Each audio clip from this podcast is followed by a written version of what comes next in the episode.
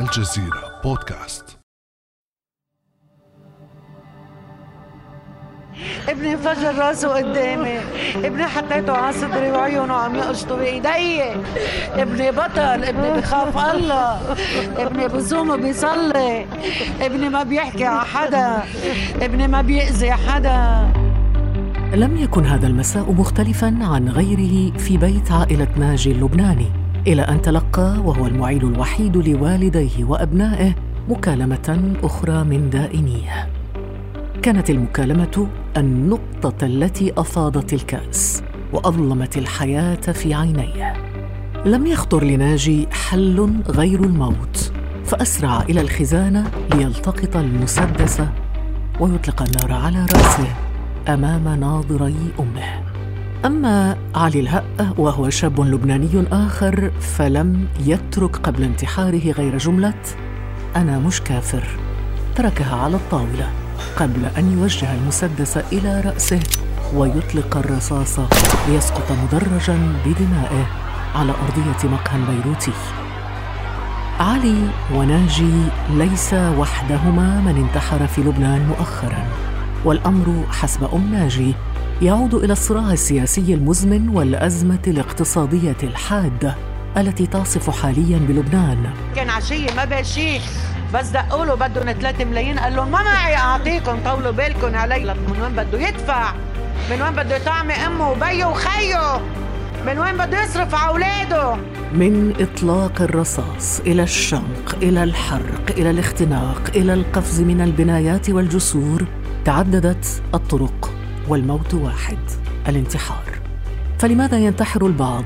رغم أن وضعهم الاجتماعي والاقتصادي قد لا يكون أسوأ من الآخرين. وهل للميول الانتحاريه علامات يجب الانتباه إليها قبل فوات الأوان؟ وكيف نتعامل معها؟ وما السبيل إلى مواجهة هذه الظاهرة المتنامية في العالم العربي؟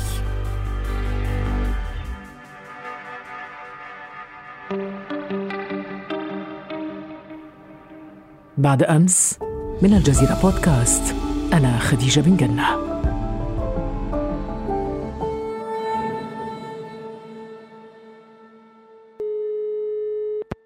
يسعدني أن أستضيف للمرة الثانية في برنامج بعد أمس الدكتور محسن بن زكور أخصائي علم النفس الاجتماعي في المغرب. أهلا وسهلا بك دكتور. مرحبا أستاذة خديجة ومرحبا بالمستمعين الكرام. في البداية ماذا يعني دكتور اختيار المنتحر الموت طوعا وتخليه عن الحق في الحياة. طبعا حينما نتحدث عن الانتحار أود أن أضع سياقا نريد أن ننطلق منه. عادة ما يخلط الناس الانتحار بأنه جبن. ونحن نريد أن نوضح من خلال هذا البرنامج الذي أحييكم عليه وهو الأصل في ربح الطابوهات حول المعاناة التي يعانيها المنتحر قبل أن يمر إلى الفعل هناك العنصر الأساسي والجوهري أن الانتحار له علاقة وطيدة بالاضطرابات النفسية. والعلاقات مع الذات تصبح أكثر إقداما على الفعل إذا اقترنت بالمحيط الذي تكون فيه النزاعات والكوارث والعنف. ثم إذا أضفنا إليه وصمة العار التي يحس بها الشخص حينما تأتيه فكرة الانتحار ولا يجرؤ أن يجهر بها وبالتالي أن نأخذ بيده إلى أعلى مستويات العناية. فإذا ما الذي يجعل الإنسان يضع حدا لحياته؟ أول شيء الانتحار هو فعل متعمد يقصد من خلاله المريض وأسميه مريضا إلى وضع حد لحياته وقتل نفسه. ومن هنا سوف نفرق بين الانتحار ومحاولة الانتحار وفكرة الانتحار. ولكنها مترابطة كلها مع بعض. طبعا مترابطة. لأنه الفعل يبدأ بفكرة فمحاولة فتنفيذ. أو قد يقف عند الفكرة والمحاولة الفاشلة. لماذا هذا التفصيل؟ حتى يكون المستمع الكريم على بينة أن هناك فرص للتدخل وهناك مؤشرات يجب أن ننتبه إليها قبل أن يمر المنتحر إلى الفعل. والأحسن طبعا أن يكون التدخل عند مرحلة الفكرة. صحيح. طبعا يا ريت تشرح لنا دكتور كيف تتحول الفكرة إلى عمل أو إلى فعل الانتحار؟ ولكن فقط لفت انتباهي استخدامك لمصطلح المريض أن المنتحر هو إنسان مريض. لو تشرحنا لماذا مريض؟ المريض نفسيا ما معناه؟ هو الذي فقد توازنه والقدرة على التمييز بين ما يمكن أن يكون في صالحه أو صالح غيره لأنه حينما يقدم على الفعل في هذه اللحظة فإنه فقد توازنه النفسي. لأن العقل يقول أنه لا يمكن للإنسان أن يقدم على وضع حد لحياته وهو متوازن. ولحد الآن لم يستطع الطب ولا العلم أن يحدد السبب لكن يتحدث عن العوامل. أعود لأفسر المراحل التي يمر منها المنتحر قبل أن يقدم على الفعل. فالأفكار الانتحارية تطور واعي للرغبة في الموت أي أن الفكرة بدأت كهاجس كخوف كمرض كمعاناة كعدم القدرة على المواجهة على مواجهة الضغوط. ثم ما تفتح هذه الفكرة أي فكرة الموت؟ تتطور إلى أن تصل إلى مرحلة الوعي بالموت. أي أنه يحدد له زمانا ومكانا. هذه كلها تبقى في إطار الأفكار التهديدية. وبالتالي الشخص الذي له هذه الأفكار الانتحارية وهنا أول بدايات الانتباه للأسرة وللمحيط وأنه يعبر عن هذه الأفكار وهذه التهديدات. لكن ما هي الإشارات التي يمكن أن يلتقطها الأهل لمعرفة أن هذا الابن أو هذه البنت فعلا تفكر أو يفكر في الانتحار؟ حينما يصرح المعني بالأمر أنه يفكر في الانتحار. هنا المسألة أصبحت جادة. حتى لو على سبيل المزاح؟ ليس هناك مزاح في الانتحار. وحتى ولو كان على سبيل المزاح يجب أن يكون الأبوان حازمين في المسألة حتى يجعل حياته استهتارا ومزحة يمكن أن يتلاعب بحياته ومشاعر الأسرة. بالإضافة إلى هذه الفكرة هناك بعض المظاهر التي تظهر على الشخص وهي من الأعراض النفسية مثلا الاكتئاب والقلق المرضي ثم ارتفاع نسبة الشهية في تناول الكحول والتدخين والمخدرات وغيرها الانسحاب من ما نسميه العلاقات الأسرية الحميمية. أيضا يمكن أن تظهر بعض ما نسميه مظاهر اليأس. هنا نتحدث عن الإنسان الراشد. كل هذه النقط التي تحدثناها هي مشتركة بين الراشد والطفل لكن هذه خاصة بالراشد. مثلا آه الذي يكون له هاجس مالي. نعم القروض أو مرض السرطان لا قدر الله. نعم بالضبط. هذا ما كنت سأسألك عنه دكتور بن زكور. إنه غالبا الظروف تكون ضاغطة جدا على من ينتحر أو من يحاول الانتحار لدرجة تدفعه يفكر في الانتحار. يعني لو تجمل لنا هذه الظروف. أشكرك على هذا السؤال. لماذا؟ لأنه قد يظن البعض أن الفقر سبب. لا الفقر والفراغ عاملان متشابهان. اذا الأصل في المسألة ليس الفقر وليس ارتفاع الدخل بل كيف يعيش هذا الشخص الغير المتوازن هذا الشخص الهش؟ الدليل عندنا هو أنه ليس كل الناس التي تعيش نفس الظروف ونفس الضغوطات تنتحر. اذا المسألة تعود إلى بنية الشخص الذي يفكر في الانتحار أو قد يحاول الانتحار أو فعلا يمر إلى الفعل. أي أن قدرة التحمل العاطفية والنفسية والعقلية تصبح منعدمة. فيحس هذا الشخص بألم شديد. لا يستطيع هذا الشخص أن يتحمله. لأن أن يمر الإنسان إلى الفعل ويأخذ مسدسا ويطلق النار على نفسه. هذه المسألة لا تفيد إلا شيئا واحد أن الألم مرتفع وأن العقل تغيب كليا وأن فعلا هناك معاناة وهناك كآبة وهناك أشياء لم يعد يستطيع هذا الشخص على أن يفهمها أو يتحملها أو حتى على الحوار الداخلي لإيجاد حلول لها.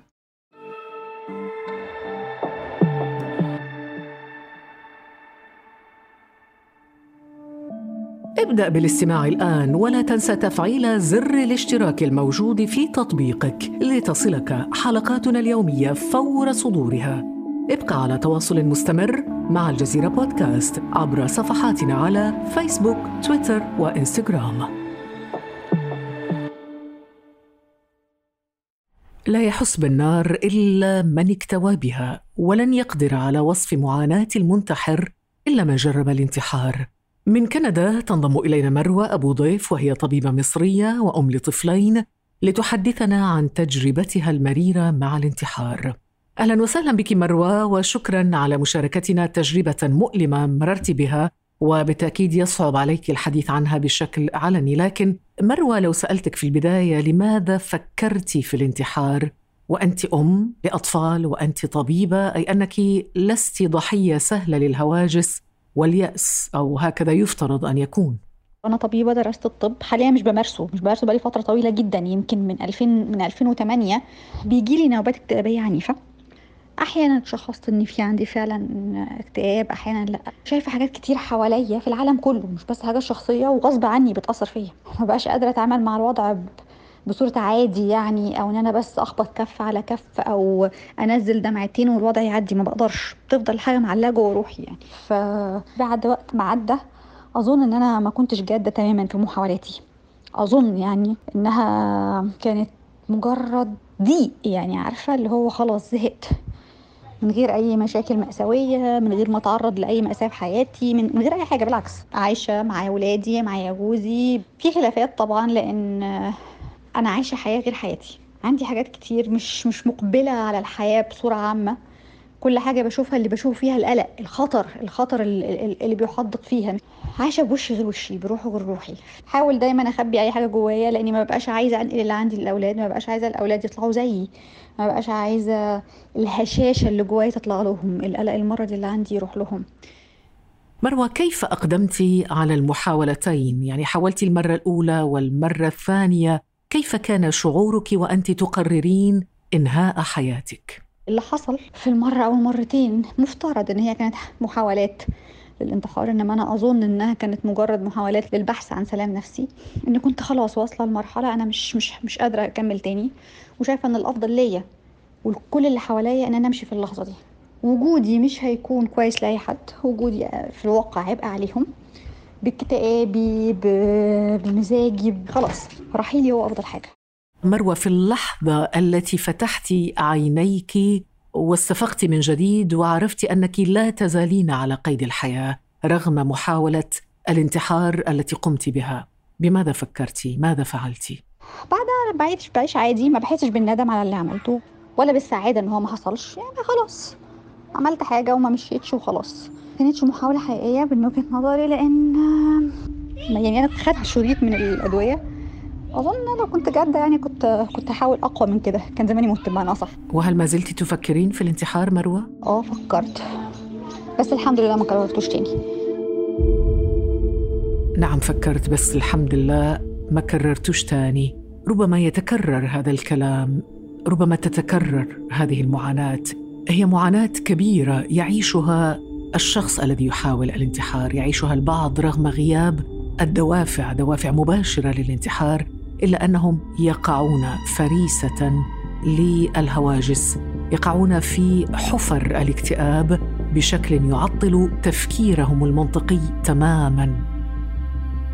بحسب منظمة الصحة العالمية يعد الانتحار عاشر سبب للموت في العالم وتنتشر أغلب حالات الانتحار بين فئتين الأشخاص الذين تفوق أعمارهم سبعين سنة أو فئة المراهقين وتتم قرابة 80% من حالات الانتحار عالمياً في الدول ذات الدخل المتوسط أو الضعيف.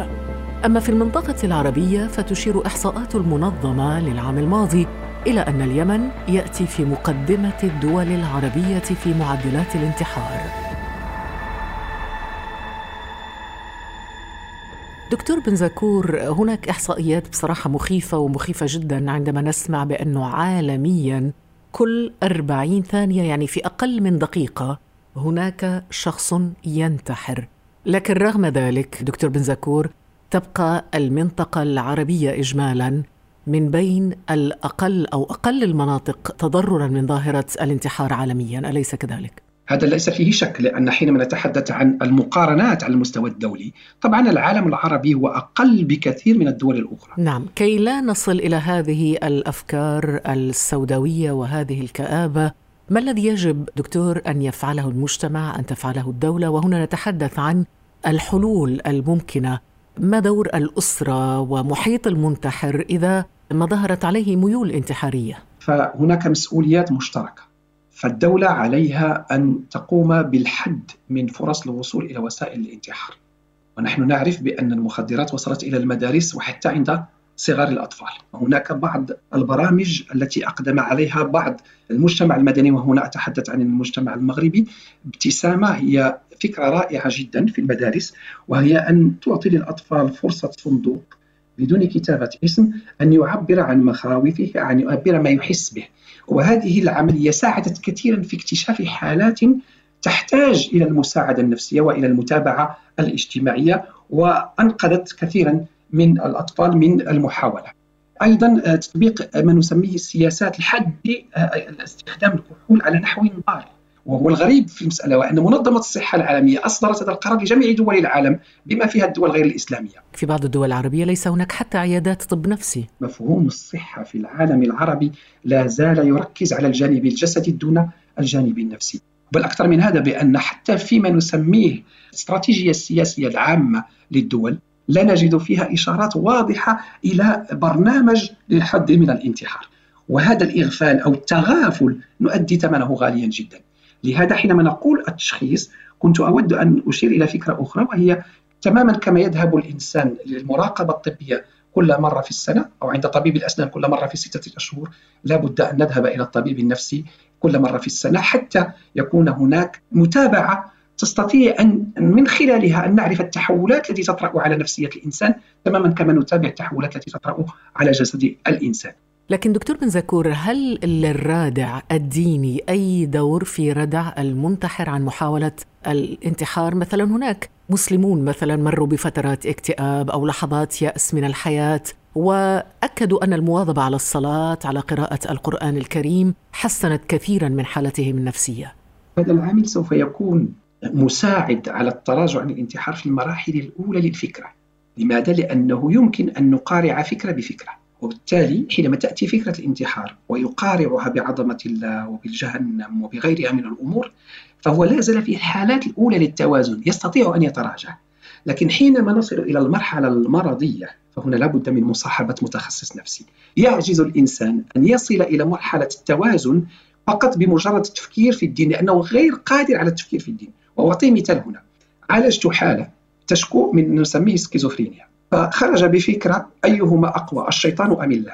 إذا هذا يبدو أن له أفكار مهتزة وأنه لا يمكن للدين أن يساعد لأن الدين هنا أصبح بالنسبة إليه هو الآخر نظرة سوداوية في هذه الحالة كيف تجيبه دكتور؟ طبعا لن أجيبه على سؤال إلا أنه لا يحتاج إلى أن نزيد من معاناته وأن يفكر في معاناة أخرى. فهو خرج من معاناته الذاتية وأصبح يفكر عن معاناة كونية. طب أغلب الحالات دكتور بما أنك دكتور نفساني وهذا يهمنا من خلال تجربتك أن نرصد الظاهرة وعلاجها أغلب الحالات التي تأتيك للعلاج تتعلق بماذا؟ يعني يكون هناك محاولة للانتحار أو تفكير في الانتحار سبقته حالة من الاكتئاب لأية أسباب؟ بالنسبة لما أقل من 18 سنة هي مسائل تتعلق إما بالعلاقات الأسرية أم بالعلاقات الأولى للاكتشاف أو العلاقات العاطفية؟ العلاقات العاطفية نعم فنحن في الجانب النفسي لن نسميها علاقات عاطفية بقدر ما نسميها العلاقة مع نعم. الآخر واكتشاف الآخر لأن تدخل فيها أبعاد أخرى غير العاطفة الذي تفشل هذه العلاقة بغياب التواصل داخل البيت يصبح هذا الشخص في اكتشافه للآخر معاناة إضافية لمعاناة النمو لمعاناة الثقة في النفس لمعاناة إثبات الذات وكلها تتعارض مع هذا النمو الذي يحتاجه الإنسان فيصبح يشكك في نفسه ويتراجع من حيث قوة الذات وقوة أو قدرة على المواجهة. هذا فيما يخص فئة الشباب. طبعا يجب أن نمسح هنا فكرة أنها أكثر حضورا عند البنات منها عند الذكور فهي متساوية عندهما معا. المسألة الثانية وهم أكثر من من 18 سنة وما بين 18 سنة و 45 سنة. هنا تتدخل عوامل أخرى وهي عوامل بيئية محضة. إما العلاقة الزوجية إما عدم القدرة على مواجهة متاعب الحياة إما لأفكار مرضية محضة تعود إلى الانفصام إلى الكآبة إلى القلق المرضي أو غيرها أو ربما لضغوطات العمل. وهنا لا يجب أن نهمل دور الاحتراق ال burn out دور الاحتراق في التفكير فيما نسميه ظاهرة الانتحار.